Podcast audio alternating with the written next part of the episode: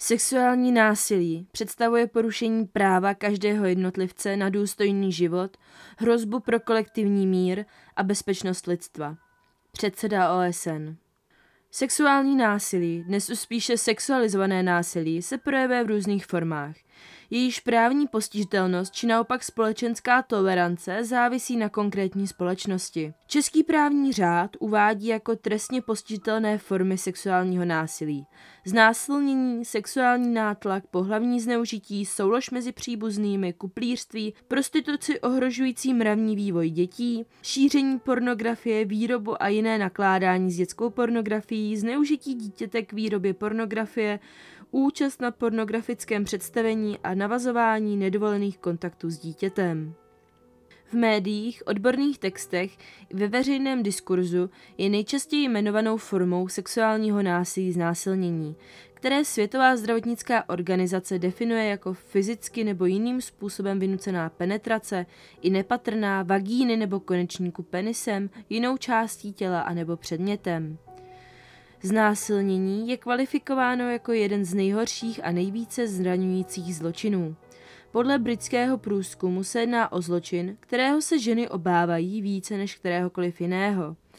Přesto je tomuto činu často věnováno málo pozornosti. Výsledkem je nízká podpora obětí znásilnění, zlehčování dané problematiky, vytváření a udržování mýtů, které jednoznačně přispívají k dvojí viktimizaci obětí znásilnění.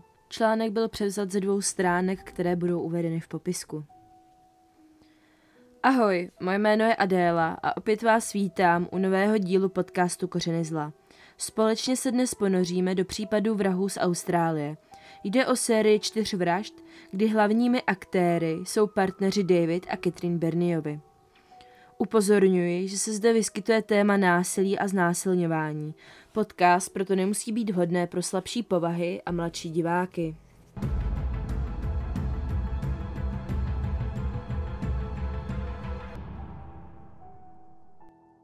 David Bernie se narodil 16. února 1951. Byl nejstarší z pěti dětí a vyrůstal na venkově v západní Austrálii. Lidé z okolí o této rodině říkali, že byla silně dysfunkční. Rodina ráda holdovala alkoholu a proslýchalo se, že mezi nimi dochází k incestu. Údajně, když Bernieho rodiče požádali zdejšího kněze o sezdání, tak se to knězovi moc nelíbilo. Řekl jim, že je přesvědčen o tom, že svazek zde nemá cenu a nepovede k ničemu dobrému. Otec rodiny byl malého vzrůstu a většina lidí ho popisovala jako takového typického, sliského a nechutného muže. Matka byla velmi vulgární k ostatním lidem, chovala se hrubě a často za odvoz platila svým tělem. Davidovi spolužáci ze školy říkali, že u nich doma byl bordel špína. David a jeho sourozenci nedodržovali skoro žádné hygienické návyky a často do školy nosili zbytky, co kde našli protože jim doma nevařili a místo jídla si rodiče radši koupili alkohol a cigarety. Na začátku 60. let se rodina rozhodla přestěhovat. Koupili si dům na předměstí města Perth. Perth je hlavní město státu západní Austrálie. Nachází se přímo na pobřeží Indického oceánu a je považováno za jedno z nejbezpečnějších míst v Austrálii. Kriminalita je zde skoro nulová. Zde se David seznámil s Catherine Harrisonovou prostřednictvím společných přátel. V 15 letech David školu opustil, aby se tak stal na nedalekém závodišti Ascot jokejem. Během svého působení fyzicky ubližoval koním a rád před nimi chodil nahý. Jenže tento dejme tomu nevinný fetiš přerostl v problém v ten moment, když se jednou v noci David vloupal do bytu starší paní, kterou se pokusil znásilnit. Byl celý nahý, přes hlavu a obličej měl natažnou punčochu.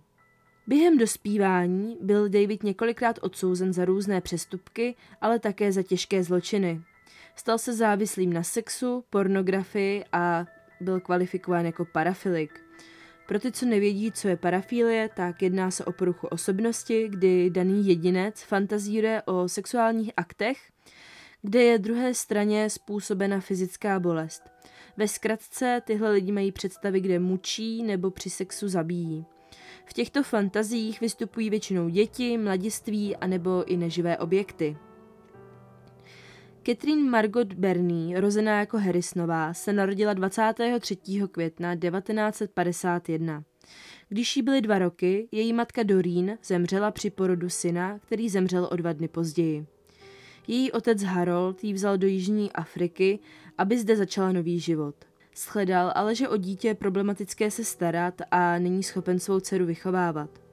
Rozhodl se jí proto poslat zpět do Austrálie, aby žila se svými prarodiči z matčiny strany.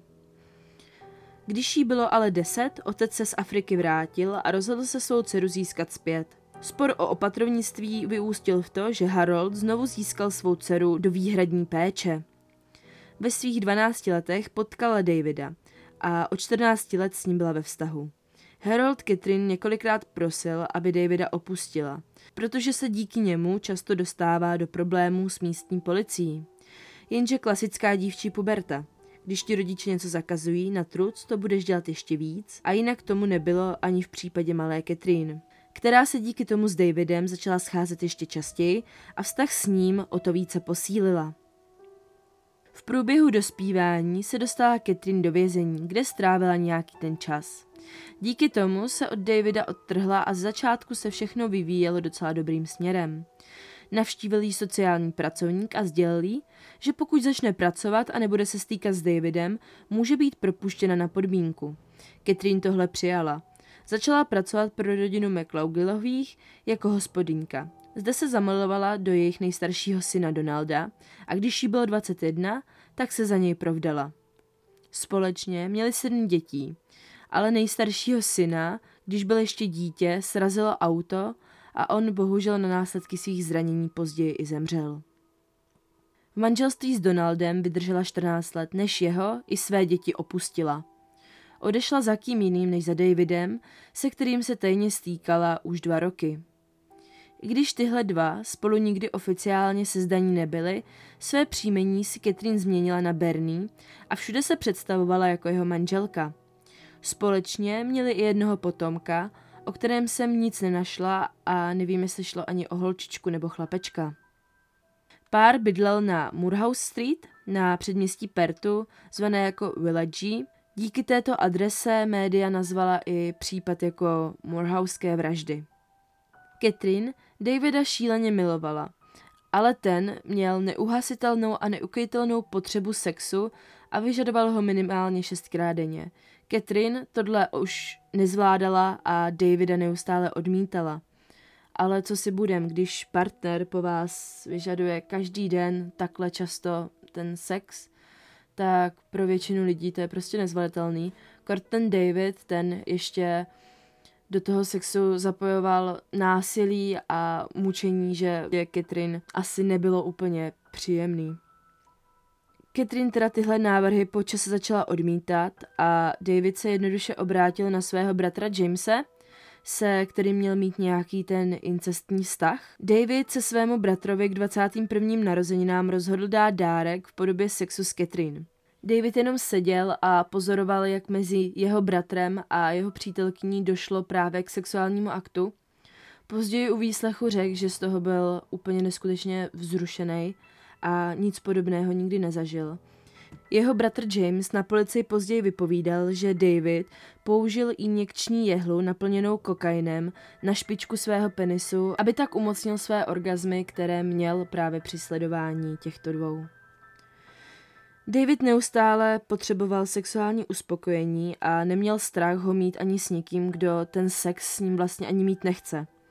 Catherine a David se společně rozhodli, že řešením jejich problému bude donucený mladých dívek k sexu. David ujistil Catherine, že dosáhne úžasných a bezprecedentních orgazmů, když bude sledovat jeho, jak znásilňuje svázanou ženu. Catherine mu samozřejmě všechno věřila a s plánem souhlasila. Mary Nielsen, 22-letá studentka a první oběd Bierniových. David v novinách inzeroval pneumatiky za hodně levno, aby tak k sobě přilákal z oběti. Na tenhle inzerát odpověděla právě i Mary, která si 6. října 1986 přijela pro pneumatiky až k ním domů. David ji pozval dovnitř a co se poté stalo, nikdo přesně neví, ale David jí měl nasadit troubík, připoutat jí řetězy k posteli a následně ji začít znásilňovat. Catherine se na to celou dobu koukala, jenže po tomhle celém David zjistil, že mu nestačí tu dívku jenom znásilnit, že potřebuje něco víc, že chce mít její krev na svých rukou. Tak se společně s Catherine rozhodli slečnu zabít. Mary naložili do auta a odvezli do lesa Glen Eagle, kde byla znovu znásilněná. David jí poté uškrtil punčochou a u výslechu řekl, že hrozně prosila o milost a v tu chvíli si uvědomil, že tohle je přesně to, co potřebuje. Pro jistotu dívku ještě párkrát bodl a tělo uložil do mělkého hrobu. O necelé dva týdny později pár vyzvedl 15-letou studentku hollywoodské střední školy jménem Susan Candy. Během několika dní byla držena v domě a neustále znásilňována. Do sexuálního aktu se přidala i Catherine. Susan byla nucena poslat dva dopisy své rodině, kde bylo psáno, že si nemají dělat starosti, protože se s přáteli utekla do Queenslandu. Zabít ji měla Catherine, protože žárlila, že David všechnu svou pozornost věnuje jen ji. Další obětí byla 31-letá letuška, která ale pracovala jako manažerka v golfovém klubu. Nolan Peterson. Pár jí pomohl, když jí na dálnici 1. listopadu došel benzín. Odtáhli ji s autem domů, kde jí pak David pomohl i s výzdobou. Nolan byla popisovaná jako přátelská, společenská a velmi ochotná žena, která v lidech viděla jen to dobré a ty špatné vlastnosti prostě přehlížela. David ji v nestřižený okamžik přiložil nůž ke krku a svázal. Za pomoci Catherine odvekl Nolan k ním domů, který nebyl zase tolik vzdálený. Jednalo se o nějaké tři ulice. Po dobu tří dnů byla Nolan připoutána k posteli a sexuálně napadána Davidem. Catherine opět začala na ženu šíleně žárlit a po Davidovi požadovala, aby ji zabil. Jenže ten k ní choval zřejmě nějakou náklonost. Nolan byla hrozně přitažlivá a Davida úplně uchvátila. Catherine zřejmě na Nolan pomýšlela jako na ženu, kterou ona nikdy být nemohla a nehodlala dovolit Davidovi, aby ji měl. Jenže David Nolan nedokázal zavraždit, tak pro ní vymyslel milosrdnější způsob smrti. Dal jí velkou dávku prášku na spaní, počkal, dokud neupadne do bezvědomí a poté ji uškrtí. Poté ji opět odvezl do lesa a pohřbil ji vedle předešlých dívek. Catherine měla prý obrovskou radost z toho, když na její obličej při zakopávání házela hlínu. Poslední zavražděnou obětí se stala 21-letá Denise Brown, počítačová operátorka. Byla unesená 4. listopadu z autobusové zastávky Sterling Highway. Denise byla v domě opakovaně znásilněná, donutili ji i zavolat kamarádce, aby jí sdělila, že je v pořádku a v bezpečí a nikdo ji hledat nemusí. Denise nebyla odvezena do stejného lesa jako předešlé oběti, byla odvezena na plantáž, kde byla znovu znásilněná. Denise byla také extrémně zmrzačena. David do ní totiž bodal tupým nožem během toho, co jí znásilňoval, jenže ten nefungoval tak dobře a Denise spíš zmrzačil. Když tohle viděla Catherine, tak mu podala větší a ostřejší nůž. Když dívku pohřbívali v mělkém hrobě, tak se posadila, protože ty zranění tím nožem nebyla smrtelná. David jí proto udeřil sekerou do hlavy, ale její utrpení tím absolutně ani zdaleka neskončilo. Dívka se totiž znovu posadila. David proto znovu vzal sekiru a několikrát ji ostrou stranou zasadil ránu do hlavy. Pohřbená byla na okraji této plantáže. Úplně poslední obětí se stala Kate Moyer, která 10. listopadu přiběhla celá nahá a uplakaná do supermarketu. Nechtěla s nikým mluvit do doby, než přijede policie. Tý řekla, že jí unesl pár, který vyhrožoval nožem. Připevnil jí k posteli a muž jí pravidelně znásilňoval. A žena to celou dobu vždy pozorovala. Druhý den ráno, když byl muž v práci, jí žena odpoutala z řetězu a donutila jí zatelefonovat rodičům, že strávila noc u přítele a je v pořádku. Žena ji pak opět odvedla do ložnice, ale odešla, aby otevřela dveře jenže dívku nezajistila a ta poté utekla oknem. Leč byla dost otřesená, sdělila policistům trasu, kterou běžela a poznala i dům. Policie neváhala a i s dívkou přijela do domu Berniových. Catherine otevřela dveře, řekla, že dívku poznává a víc odmítla sdělit, dokud se její partner nevrátí. Když policie ještě ten den přivedla Davida Bernieho na policejní stanici v Poutech, pár začal tvrdit, že dívka nebyla unesena, ale dobrovolně přišla do domu, aby se podělila o bong a že veškerá sexuální aktivita byla dobrovolná. Pro ty, co nevědí, co bong je, jde o takovou formu dýmky, která se používá na kouření marihuany. Každopádně, když se policie dotázala, každopádně, když se policie Davida dotázala i na zbylé zmizelé ženy, protože si dali dvě a dvě dohromady, opět řekl, že ty sice u něj byly, sex s ním měli, ale že pak prostě odešli. Jenže tyhle pohřešované ženy pocházely z dobrých poměrů a že ani žádná neměla absolutně žádný prostě důvod opustit ten svůj domov a už se nikdy nevrátit. Když se začalo stmívat, pronesl jeden z detektivů k Davidovi takový vtip. Říkal, už se stmívá, nejlepší bude, když vezmeme lopatu a vykopeme je. Jenže Davidova odpověď všechny absolutně zarazila. Odpověděl, dobře, jsou čtyři.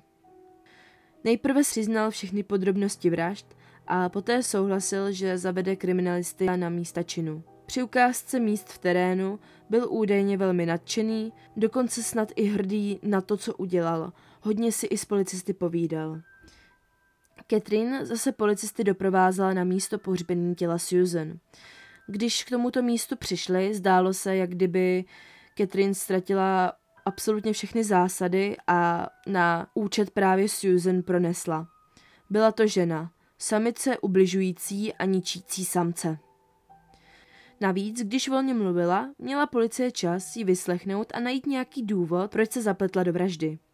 Přiznala pouze to, že byla Davidem tak nadšená a posedlá, že mu nedokázala říct ne. Catherine ukázala policii, kde byla pořbena Nolan a zdálo se, že má k zesnulé zvláštní odpor. Catherine před policií plivala na provizorní hrob a přiznala, že tu ženu absolutně ze srdce nenáviděla, protože chtěla uchvátit jejího manžela.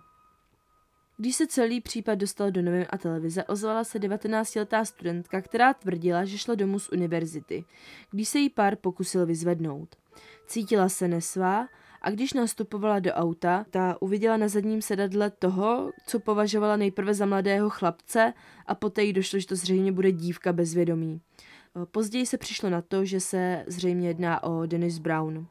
Tato studentka poté jízdu odmítla, auto odjelo a její popis řidiče a ženy, která seděla na sedadle spolujezdce, se dokonale shodoval se vzhledem Catherine a Davida.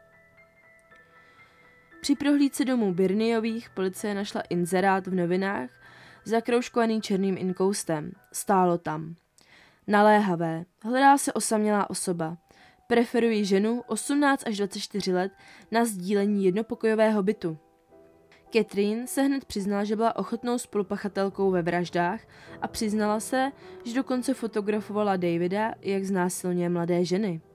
Tvrdila také, že ačkoliv na tyto ženy velmi žárlila, bylo pro ní obrovské potěšení Davidovi pomáhat, aby měl s těmito ženami sex. Psychiatrům a detektivům vadila Katrina až absurdní obsese Davidem. Celý svůj život měla zasvěcený jenom tomuto muži. Podepsala i podrobné prohlášení, v němž přiznává svoji vinu a podíl na vraždách. Tvrdila také, že osvobodila poslední 17-letou dívku, protože měla pocit, že vraždy budou pokračovat navždy, pokud teď nepřestanou. Přiznala, že si užívala vraždění a znásilňování žen, ale že chtěla, aby to skončilo. David se přiznal ke znásilnění a ke každé z vražd. Věřil, že když projeví velké známky lítosti, s případem mu to pomůže. Snažil se ukázat, že to absolutní chudák, který je závislý na sexu, že to nijak nejde krotit, že neměl jinou možnost, že je to prostě jak když na zvíře přijde potřeba a že neměl ani jinou možnost, než zavraždit své oběti, aby ho pak nemohli identifikovat. Během čekání na soud ho ve vězení napadlo několik vězňů a on skončil v tak špatném stavu, že nakonec potřeboval i lékařskou pomoc. Catherine, když toto zjistila, tak padla na kolena a byla absolutně hysterická. Soud proběhl skoro i hned po jejich začení. Nebyl to takový ten oficiální soud. Šlo o předčasný, kdy se rozhodne, co budou dělat, kde budou, než se připraví ten oficiální a jestli je vůbec nějaký důvod připravovat ten oficiální soud. Začení byly tedy 10. listopadu a tenhle soud proběhl o tři dny později, 13. listopadu 1986. Oba k soudu přišli oblečení dosti ležérně a vypadali spíše, kdyby šli do hospody, než k soudu a Catherine přišla i bosá. Ani jeden neměl zařízeného právního zástupce. Catherine dostala možnost se rozhodnout, zda chce před soudem stanout za 8 a nebo 30 dní. Ona se ale jenom podívala na Davida a řekla, až půjde on, půjdu i já. Berniovi šli opět k soudu 10. února 1987. Catherine se zuřivě prala se strážemi a požadovala, aby se jí nikdo nedotýkal. Když ale viděla v soudní síni Davida, okamžitě se uklidnila. Catherine seděla přímo za Davidem a při posledním čtení ho držela za ruku. Oba si měli ve vězení odpikat čtyři po sobě jdoucí do životní tresty s nárokem na podmínečné propuštění za 20 let. Pan soudce ale ještě důrazně řekl, že David Bernie by neměl být nikdy propuštěn z vězení. Catherine odcestovala do věznice Bendiap v severním Pertu, zatímco David si měl odpikávat trest ve věznici Fremantle. Ani jeden se proti rozsudku nepokusil odvolat. Když soud skončil, Catherine projevila zoufalství, které předtím ještě nikdo neviděl. Když ji vedli k dodávce, tak jí doslova museli níst, protože ona křičela, kopala, plivala a prostě byla absolutně hysterická, nemohli jí prostě od toho Davida dostat. Po odchodu Davida ze soudní síně veřejnost křičela a házela po něm odpadky. David ve vězení podlehl svým násilnickým sklonům. Často vyvolával konflikty, účastnil se bitek a také mnohokrát dostal tak moc, že musel trávit noci na ošetřovně. Společně s Catherine si vyměnili okolo 2,5 tisíce dopisů, jinou komunikaci měli zakázánou. V roce 1990 David svému psychiatrovi tvrdil, že být bez Catherine ho posílá do úplně jiného fyzického a duševního zhroucení, kterého nakonec jednou přiměje spáchat sebevraždu. Soudce ale odmítl shledání Davida a Catherine i přes tuhle prozbu. 7. října 2005 spáchal David Bernie sebevraždu. Našli ho oběšeného ve své cele. Catherine bylo zamítnuto jít na jeho pohřeb. V roce 2007 se Catherine pokusila zažádat o podmínečné propuštění. Prokurátor věc zamítl a řekl, že dokud bude ve své funkci, Catherine Berniová se z vězení nedostane. Znovu se pokusila zažádat v roce 2010, když se změnil prokurátor, ale opět to bylo zamítnuto. Prokurátor k tomu ještě rozhodl, že Catherine nikdy nedostane podmínečné propuštění. Byla přímo označena jako nikdy nepropouštět a stala se tak třetí ženou v Austrálii, která, řekněme, tuto nálepku dostala. První ženou byla Catherine Knight, která v roce 2000 zavraždila svého manžela. Zasadila mu 37 bodních ran a potom mu uřízla hlavu. Uvařila části jeho těla, přičemž maso naservírovala s pečnými bramborami, dýní, červenou řepou, cuketou, zelím, žlutou dýní a omáčkou. Tohle dala sníst jejich dětem. Druhá žena je Patricie Byers, ale o té jsem nedohledala žádné informace. V roce 2016 se pokusila Catherine o další podmínečné propuštění, které bylo opět zamítnuto. Zároveň i v roce 2016 oběť Katie Moyer založila kampaň, kde chtěla zrušit lidem, jako je Catherine, možnost žádat o podmínečné propuštění každé tři roky. Snaží se vlastně i o to, aby vůbec tyhle zločinci neměli nárok na podmínečné propuštění. V roce 2007 se vyjádřil nejmladší syn Catherine, Peter, a řekl, že jeho matka si zaslouží popravu. Kvůli jejímu počínání byl on několikrát napaden a čelil obrovským předsudkům. Uvedl také, že kampaň, kterou vede Kate Moyer, podporuje. Ještě takový update nakonec, který jsem našla až po dopsání scénáře. Jedná se o článek ze září loňského roku, kdy Catherine opět měla zažádat o své podmínečné propuštění, ale bylo jí to zase zamítnuto. Pro dnešek je to ode mě vše. Nový díl bude zase příští týden. Pokud vás zajímají další podrobnosti k případům a nebo vás zajímá něco více k pachatelům, Můžete mě sledovat na mém Instagramu Kořeny zla, kde tohle všechno najdete.